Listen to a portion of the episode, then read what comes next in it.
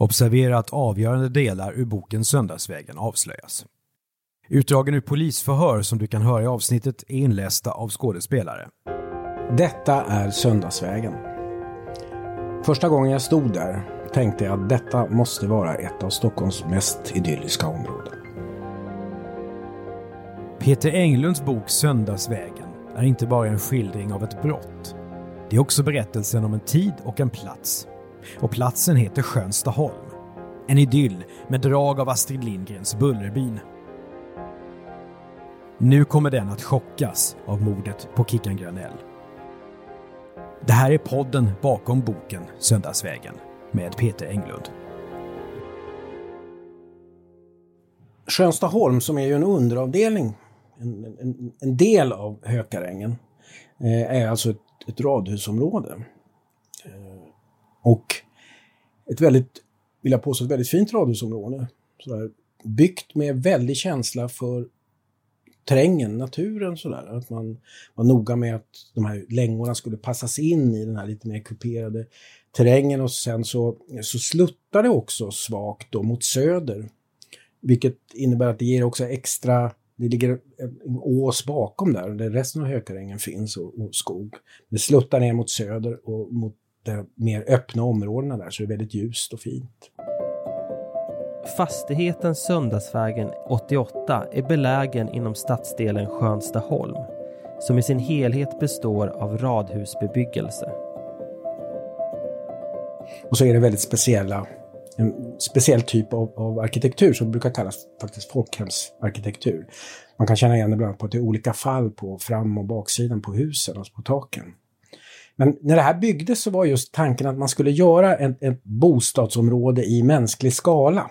Och vad innebär mänsklig skala? Ja, just att man skulle undvika de här stora höga kolosserna. Det här var, det här var eh, så att säga en möjlig väg som det var tänkt att man skulle bygga bort bostadsbristen på. Det fanns lite grann olika meningar hur det här skulle göras.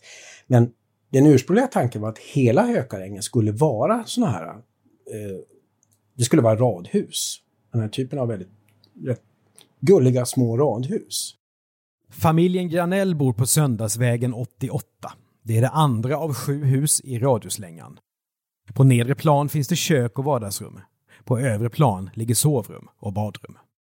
När Skönstaholm byggs och Hökarängen byggs, och framförallt Skönstaholm byggs, så då är det här fortfarande så att säga ett alternativ. Vi har en stor brist på bostäder i Sverige. Hur ska vi komma bort från det? Ja, men då var det där ett av alternativen. Vi bygger de här, den här typen av radhusområden istället. Och så blev det en väldigt lång och utdragen debatt kring det där och, och en, man kan säga en ohelig allians mellan byggindustrin och eh, såna här, en, en viss typ av teoretiska arkitekter eh, som tyckte väldigt mycket om futuristiska former. Och äldre socialdemokrater skulle jag säga som, som inte tyckte om radhus därför att de påminde om statarlängor. Den oheliga alliansen då gjorde att nej, det här, så det, vi ska ha någonting helt annat. Vi ska ha stora hus, stora huskroppar, hus som sträcker sig mot himlen. Hus och bostadsområden som ser moderna ut. Alltså det fanns också någon känsla av att den här typen av radhusområden, lite gulliga, lite bullerbyaktiga radhusområden, de var inte moderna nog. De såg inte så futuristiska ut. Och det här var liksom ett Sverige när man var besatt av att också inte så, det skulle, allt skulle bli så modernt och det här gamla skulle man bort ifrån. Och jag tror att det är en del av skälen till varför det aldrig blev något mycket mer än, än de här radhusområdena var att, att de såg inte nog moderna ut. Radhuset där familjen Granell bor har 3,5 rum och är 82 kvadratmeter. När det såldes våren 2020 gick det för strax över 5 miljoner kronor. Vad säger det om Sveriges utveckling? Ja, att det här var ju ursprungligen hyreslägenheter. Uh, och det, det, säger väl också någonting så att säga, det är ett, ett område som ursprungligen var, var ägt av kommunen är nu. Och, och, där du då betalade hyra, det var hyresrätter. Så nu är det ju nu är det bostadsrätt. Privatiseringen går vidare. Du skriver också om någon slags Bullerbystämning. Ja. Kan du utveckla vad, hur den yttrade sig? Ja, det, det, var en av de där som jag pratade med som växte upp där och han sa ju till mig, alltså det var, det, det var ju inte Bullerby men det var nästan det. Alltså just det här att det var den här eh, mänskliga skalan på, på arkitekturen, alltså de här husen, det var ju bara tvåvåningshus. Eh, och nära till naturen. Nu omgivande, det fanns ju liksom de här skogsbackarna och skogspartierna, ängarna nedanför. Och sen också inte minst den här rikedomen med barn, för det var, du skulle i princip ha barn för att få bo där. Eh, så att det myllrade av barn, nära till naturen, alla springer fram och tillbaka mellan de här husen som ser ungefär likadana ut. Det ska man också veta att, att associationen till Bullerbyn var också väldigt naturlig därför att eh, det här var ju också en, en, tid då Astrid Lindgren var ju kolossalt populär. Och en av hennes eh, mest bästsäljande böcker om, om Bullerbyn kom ju ut det här året också. Skönstaholm är som ett koncentrat av ett Sverige som snabbt blivit ett av världens rikaste länder. Av trygghet och samhörighet där människorna på gott och ont har koll på varandra. Folkhemmet. Därför är det helt logiskt att Kickan Granells vän Lillan Sundin också bor vägg i vägg med henne. Du skriver på sidan 64, en idyll uppstår efteråt, skriver du. Betyder det att man ska vara lite skeptisk mot den här typen av idyllstämplingar, tycker du? Ja, det är också en del av mina, min poäng också. Det är delvis en poäng med hela boken. Att en idyll, det skriver jag så här, en idyll förutsätter en spricka så att säga. Det händer någonting. Idyllen uppstår alltid i efterhand. Det är ingen som egentligen riktigt säger att, eller förstår att man lever i en idyll förrän någonting har hänt. Idyllen uppstår i efterhand. Peter Englunds beskrivning av Skönstaholm är inte romantiserad. Det har varit en viktig del i hans arbete med boken. Vid tiden för Kickans död lever hyresgästerna här mer och mer för sig själva utan att umgås så mycket med varandra. Och de senaste åren har Hökarängen blivit mer och mer brottsdrabbat. Och hur är stämningen här ute då efter mordet? I Hökarängen? Eh, ja, nej men det är ju en, det är ju en stor upprördhet förstås. Alltså det är ju chock är nog lite grann ett för svagt ord. Just därför att det har varit ett så ett idylliskt område med väldigt stark sammanhållning. Eh, och också, och det här är liksom en detalj som återkommer i många berättelser, eh, men också i all, många olika berättelser av när den här typen av händelser drabbar små samhällen. Förskonade samhällen, just det här, det återkommer ju. Men det är den här detaljen att vi, hade, vi låste aldrig våra dörrar. Jag blev väldigt misstänksam, om jag ska vara ärlig, när jag läste den. Därför att jag har sett en dokumentär om Palmemordet där en person säger att innan Palmemordet låste vi inte dörren om oss i Sverige. Och jag är född 78 och jag minns inte alls på det, på det sättet. Jag, jag, jag tror, det, det, är därför jag säger också att det, det är återkommande. Men jag, jag tror i det här fallet att det faktiskt var så också. Sen är det ju, sen tror jag också att, att det finns en slags intressant effekt. Att när en sån här obehaglig sak händer, då börjar folk låsa dörrarna. Och då blir den här kontrasten, nu låser vi dörrarna, vi låste inte tidigare dörrarna. Sen börjar folk slappna av och så händer det ingenting. Och då börjar man slarva lite grann med att låsa dörren. Och så händer det någonting och då börjar man låsa dörren igen. Och då blir det den här effekten att, ja men vi nu har vi börjat låsa dörrarna igen. Så att, nej jag kan inte garantera det, men, men det är en detalj som har återkommit eh, i, i flera berättelser, att vi, då, vi, vi började låsa dörrarna. Sådär. En mordutredning har sin egen dramaturgi. Det går att göra film av den, men skillnaden mot Hollywood är att i verkligheten vet inte utredarna på förhand om de ska lyckas hitta förövaren. Inte heller vet de hur länge de måste leta efter en gärningsman. Eller hur många spår de måste stryka, hur många vägar i utredningen som blir återvändsgränder. De här sidospåren, det finns ju en, en hel del i den här eh, utredningen. Eh, vilka är de viktigaste tycker du? Eller mest, mest eh, intressanta? Alltså, utredningen var ju verkligen full av sidospår. Eh, men det var ju två som gick så långt så att man faktiskt häktade folk. Eh, och, och, i, två fall då man mer eller mindre sa att ja, men, vi, har, vi har hittat mördaren. Och det första var att, att man eh, man hade någonting som man jobbade hårt på. Man arbetade med olika axlar och en axel var så att säga kloroformspåret. Det var att låt oss försöka hitta när det här, detta kloroform inköptes. Kan vi, hitta den kan vi hitta när inköpet gjordes, kan vi hitta personen som köpte kloroformet, så då tar vi den. Och då gjordes det, då fick de mycket riktigt in ett tips på en man som hade just i anslutning till det här, liksom, mordet ägde rum på söndagen, som hade på lördagen då köpt kloroform och så vidare. Och det då fanns ett namngivet, det fanns ett namn på den personen, det fanns också, och så slog man i registren och såg att den här personen hade bott på Söndagsvägen och hade också en del eh, anmälningar på sig, hade lite, lite av ett kriminellt förflutet. Inget, inget, inget brott, inga stora brott, men ändå. Mannen var några år under 30 och en gammal kund på apoteket Skele. Det bästa var att hon även kände hans namn, Ragnar Sundén. Polisen gjorde en slagning. Den 28-årige Sundén var tidigare dömd. Visserligen inte för någon sexualförbrytelse men väl för ett våldsbrott. Dessutom hade han en gång bott på Söndagsvägen. Mannen kände alltså till området. Det stämde. Och då var man ju säker på att ja, vi har det, vi har löst det här. Vi, ja, vi har gjort som vanligt, vi har löst det här brottet på 48 timmar, så där klart.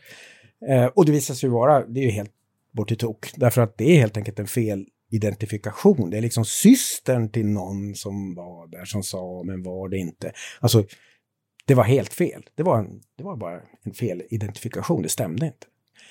Det är inte vidare svårt att få tag på kloroform. Det finns kloroform lite överallt apoteken har sålt mer kloroform än vad de själva bedömt och sådär. Så att man, man inser att kloroformspåret, det är dött. Eh, men då dyker det alltså upp en, en, eh, en man, en taxichaufför, som berättar hur han just har skjutsat en, en person som bär sig väldigt mystiskt åt och som har med sig en påse med någonting som han är väldigt försiktig om. Uh, som just vill till Söndagsvägen den här kvällen. Och uh, han skjutsar dit honom och han verkar försvinna in faktiskt bakom den här längan där Söndagsvägen 88 ligger.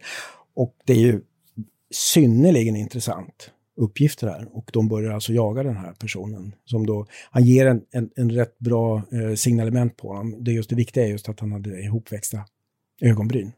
Så att nu fokuserar väldigt mycket på att hitta mannen med de ihopvuxna ögonbrynen. Nu ler du lite. Är det för att man hade skrattat åt om det hade varit med i en dålig deckare? Ja, lite grann är det väl sådär. Men det är väl också just att, att jag ler lite därför att det visar sig att även det här är ett stickspår. Och även det här bygger på ett misstag. Samtidigt så är det här spåret så pass starkt och vi, framförallt är vittnesmålet så entydigt så att de kan absolut inte släppa det. Och även när den här personen faktiskt har blivit friad och eh, GW Larsson ställer sig upp och pratar med reportrarna och säger att ja, men nu har vi friat en oskyldig och sånt där. Så släpper man honom inte, utan de fortsätter att kolla honom. För att, därför att det finns, själva det här vittnesmålet om honom, det är så graverande så att de, han kanske är skyldig i alla fall. Så även när de officiellt säger att de har släppt det, så fortsätter de med att följa spåret. Inte allihopa, men, men några fortsätter att jobba på honom ändå. Ett poddtips från Podplay. I fallen jag aldrig glömmer djupdyker Hasse Aro i arbetet bakom några av Sveriges mest uppseendeväckande brottsutredningar går vi in med hemlig telefonavlyssning och, och då upplever vi att vi får en total förändring av hans beteende. Vad är det som händer nu? Vem är det som läcker? Och så säger han att jag är kriminell, jag har varit kriminell i hela mitt liv men att mörda ett barn, där går min gräns. Nya säsongen av Fallen jag aldrig glömmer på Podplay. I mordutredningen som beskrivs mycket detaljerat i boken Söndagsvägen figurerar 6000 namn. En fantombild tas också fram. När allmänheten uppmanas berätta vad de tror kan vara viktigt blir utredningen ännu mer omfattande. Barn volontärar och letar spår bland husen och grönskan i bostadsområdet. Söndagsvägen berättar om flera stickspår som inte faller ut. Det är kloroformspåret och taxispåret. Och det är jakten på en man med otäcka ögon som har antastat Kickans vän och granne Lillan Sundin. Innebär det en dramaturgisk utmaning för dig som författare att det finns sådana här stickspår i historien? Ja, det kanske är en dramaturgisk ut utmaning på så vis, samtidigt som det ju stämmer så väl med en bild om hur sånt här går till i verkligheten. Uh, och, och, sen är det här kanske då ovanligt många stickspår här, det vill jag nog påstå, i och med att det här var ett så uppmärksammat fall och tipsen var så många och så vidare. Men eh, nej, jag, jag, skulle inte se det som så, utan det här är ju en del av berättelsen. Och en del av det som också gör berättelsen intressant, att man faktiskt inte en utan två gånger går så långt så att man anser sig eh, häktat, man häktar en person man anser vara skyldig och så visar det sig vara fel. Den 5 augusti, en vecka efter mordet, skapas ny kreativitet i Kickan-fallet. En sällan använd expertis kallas in. Gösta Rylander, professor i rättspsykiatri och Yngve Holmstedt, överläkare och landets främste våldtäktsexpert. De får ta del av vad utredarna vet om brottet, brottsplatsen, tillvägagångssättet och offret. Deras uppdrag?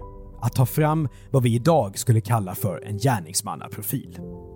Vad jag tror är Sveriges första gärningsmannaprofil. Som jag har uppfattat det så, så är det första. Alltså man har ju givetvis haft rättspsykiatriker inkopplade. Det är så att säga när man har eh, tagit någon.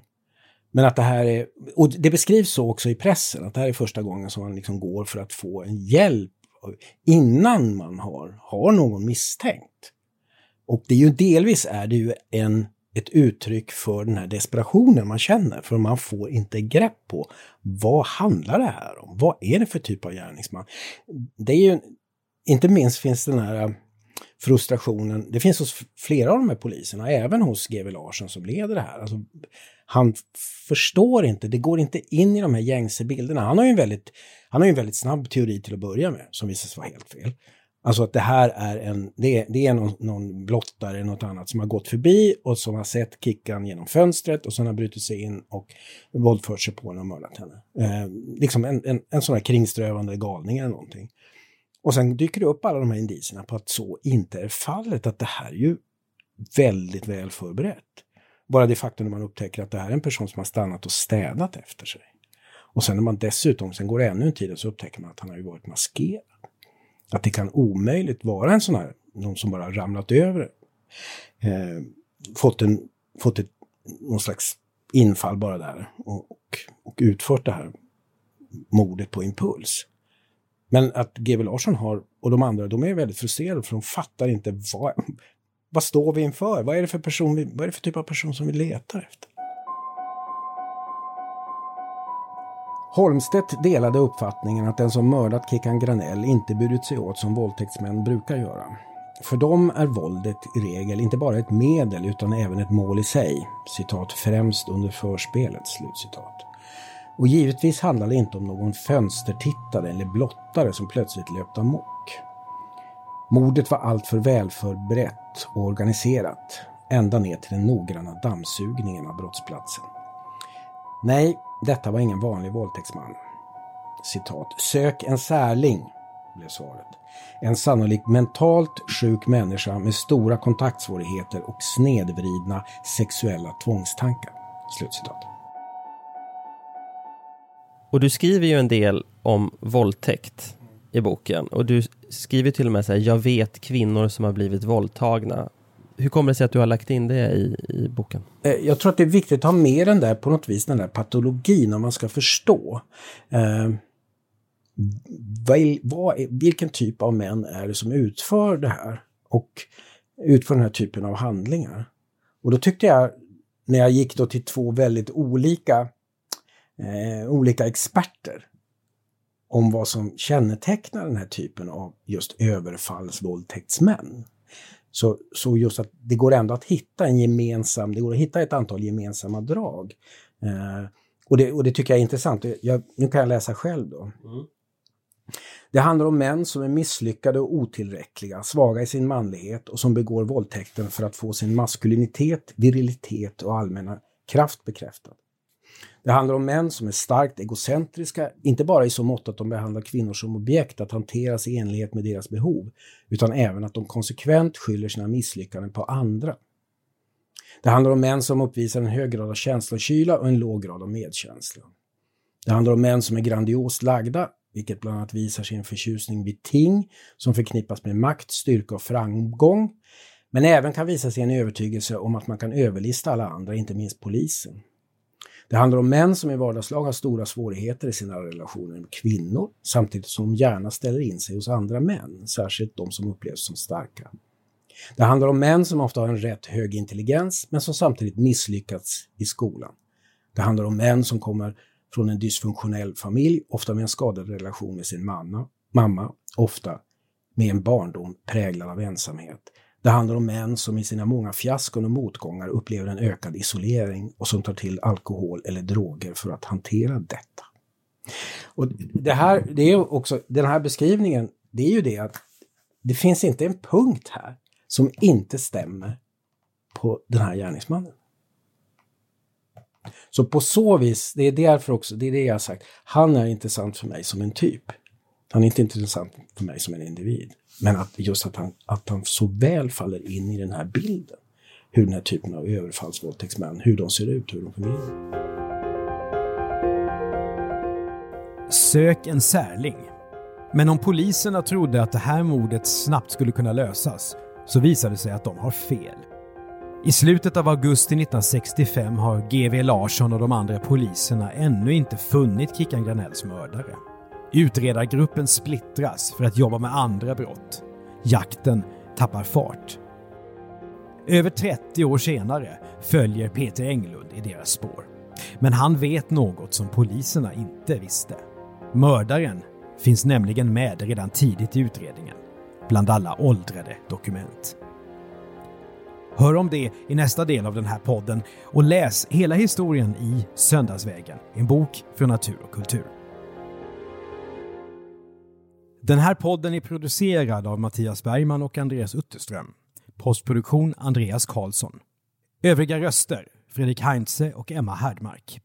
Ljudeffekter av Soundflakes, Sunfire och Hörspelverkstad från freesound.org licensieras under Creative Commons. Det här är en produktion år 2020 från Commercial Content som är en specialistbyrå för innehåll. Du kan läsa mer om oss på www.commercialcontent.se.